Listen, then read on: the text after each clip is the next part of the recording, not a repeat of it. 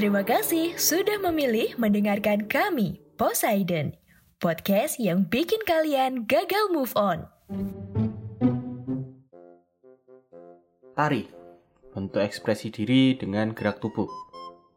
Mulai dari tari tradisional yang identik sama kebudayaan, sampai tari modern yang fokus jadi hiburan, variasi yang bikin kesenian ini nggak lekang dimakan zaman. Tapi apa jadinya kalau tarian ini tuh nggak diawali karena niatan, tapi dimulai karena ketularan. Halo dan selamat datang di konten paling random podcast dari Indonesia di luar kelas. Tempatnya sedang tidak jelas bersama saya Egar Kananta.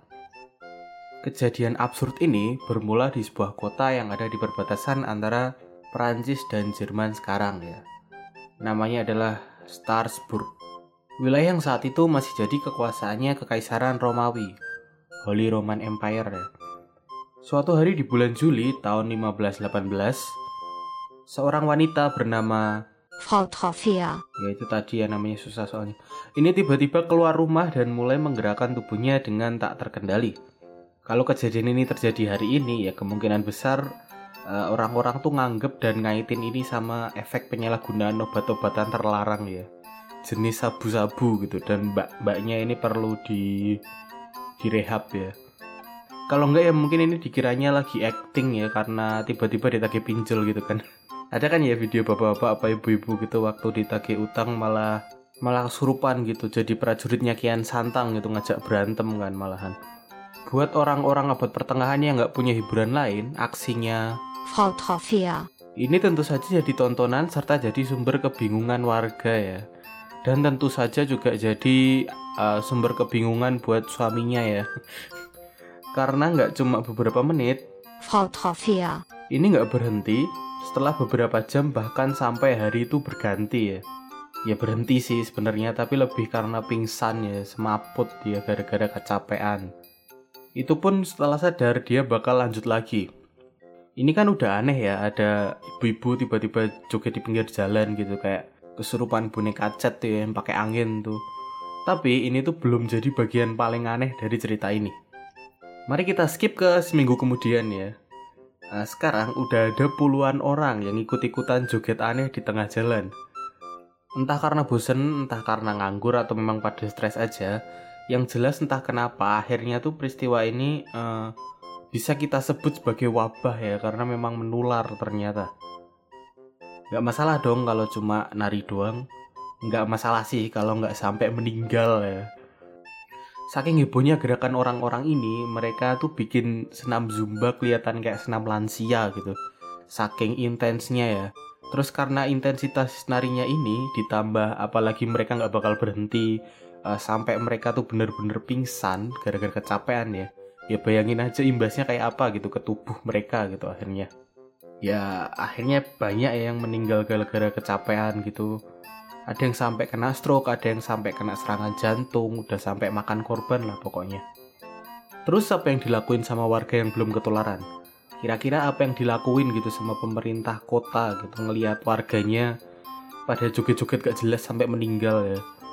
Pertama, mereka pakai cara medis. Jadi dokter-dokter yang ada di sana tuh berkesimpulan ya penyebab utama kejadian ini adalah uh, kelebihan darah panas ya. Jadi kepercayaan medis zaman dulu adalah uh, kesehatan manusia itu diatur sama uh, keseimbangan empat cairan ya yang ada di dalam tubuh, yaitu merah dari darah, kuning itu dari cairan liver atau hati, urin juga, terus hitam dari cairan empedu, dan juga yang terakhir adalah putih dan bening ya dari cairan-cairan lainnya kayak keringat, ludah, ingus dan lain-lain orang-orang yang joget ini ini tuh kelebihan cairan merah ya ceritanya. Yang solusinya itu harusnya adalah uh, bloodletting ya. Jadi kayak diseset gitu biar uh, sampai keluar darah nanti. Ya memang pengobatan dulu aneh-aneh ya kalau kalau kita tahu sekarang kan itu malah yang bikin mati ya bikin kekurangan darah kan. Tapi untungnya ini tuh nggak bisa dilakuin ke mereka ya karena ya itu tadi orangnya terlalu banyak dan mereka tuh gerak terus gitu nggak berhenti berhenti jadi ya juga susah kalau prosedur ini mau dijalanin gitu. Uh, jadi ada solusi lainnya yaitu mereka tuh harus lanjut joget terus sampai cairan berlebih ini tuh akhirnya habis digunakan ya. Anehnya lagi itu saran ini tuh diikutin ya sama pemerintah lokal gitu, pemerintah kota. Akhirnya mereka tuh ngebikinin panggung dan juga nyewain musisi ya buat ngiringin uh, mereka yang joget-joget nari ini nggak berhenti-berhenti. Ya kalian tahu sendiri lah gimana kelanjutannya ya. Bukannya berhenti, yang ada orang-orang yang lewat ini tuh malah jadi ikut-ikutan ya. Kan seru kan, dikira party gitu, dikira ada flash mob gitu, dikira pada uh, syuting film India kan, akhirnya pada ikut-ikutan. Sampai di bulan kemudian, di Agustus ya, ini tuh akhirnya ada sekitar 400 orang yang ketularan wabah nari ini dengan jumlah yang meninggal setiap harinya tuh ada di sekitar sampai 15 orang. Jumlah yang cukup besar ya buat sebuah kota uh, di Eropa abad pertengahan yang penduduknya tuh bahkan nggak sampai 5000 orang ya mungkin. Karena pengobatan secara medis mereka juga gagal, uh, Dewan Kota ini tuh nyimpulin kalau daerah mereka tuh uh, dikutuk ya sama Tuhan ya atau kena azab lah mereka. Uh, jadi jadi mereka tuh mulai nindak tegas kejahatan-kejahatan yang ada di kota itu kayak judi tuh dilarang, tempat prostitusi ditutup. Terus musik dan nari ini juga akhirnya tuh dilarang ya. Orang-orang yang masih nari ini kemudian tuh dibawa ke kuil Santo Vitus buat dilakukan ritual pembersihan ya. Apakah cara ini berhasil? Apakah wabah menari ini tuh berhenti? Iya, faktanya adalah uh, kejadian aneh itu akhirnya berhenti ya di sini Buat kalian yang belajar psikologi, kalian juga uh, pasti udah tahu ya alasannya kenapa. Semua kejadian ini, uh, ini tuh dikaitin penyebabnya adalah mass hysteria ya atau histeria massa. Mirip kayak yang pernah dibahas di luar kelas dulu uh, di materi di pembahasan yang udah agak lama ya yaitu tentang uh, wabah ketawa di Tanganyika. Jadi orang-orang ini ini tuh punya luka generasional ya kayak mereka punya trauma gitu karena mereka tuh hidup cuma beberapa generasi setelah Black Death ya. Wabah penyakit yang uh, bisa ngehabisin setengah populasi Eropa tuh cuma dalam jangka waktu singkat gitu cuma beberapa tahun. Sebuah peristiwa yang sangat menakutkan dan tentu saja uh, sangat membekas buat mereka yang selamat. Hasilnya adalah anak cucu mereka ini masih punya ketakutan yang sangat besar ya buat meninggal gara-gara hal misterius yang tiba-tiba datang gitu. Jadi ketika Ini tiba-tiba mulai joget di tengah jalan tanpa alasan yang jelas.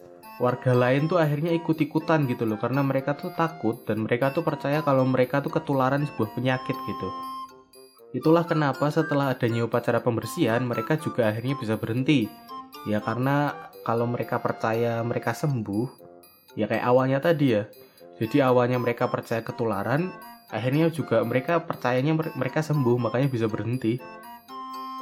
Ada juga teori ya yang ngaitin peristiwa ini tuh sama keracunan jamur ergot. Jadi kemungkinan besar jamur yang berkembang biak di tanaman gandum ini ini tuh ikut keolah ya ke makanan roti mereka yang nyebabin uh, namanya ergotisme ya yang bisa bikin otot mereka tuh tegang, mereka bisa kejang-kejang atau bahkan uh, sampai halusinasi. Ya mungkin itu aja ya bahasan uh, tentang episode kali ini ya pelajaran bisa kita ambil adalah ternyata selama ini tuh kita sering ya ngelihat mas histeria ya histeria masa terutama kalau lagi nonton film India ya Terima kasih yang sudah mendengarkan, kepoin juga Instagram at podcast underscore sejarah Indonesia atau Instagram pribadi saya di @rotikecap. Jika ada kesalahan, saya mohon maaf besar-besarnya. Saya Eka Arkananta pamit, sampai bertemu di konten Poseidon lainnya. Bye-bye.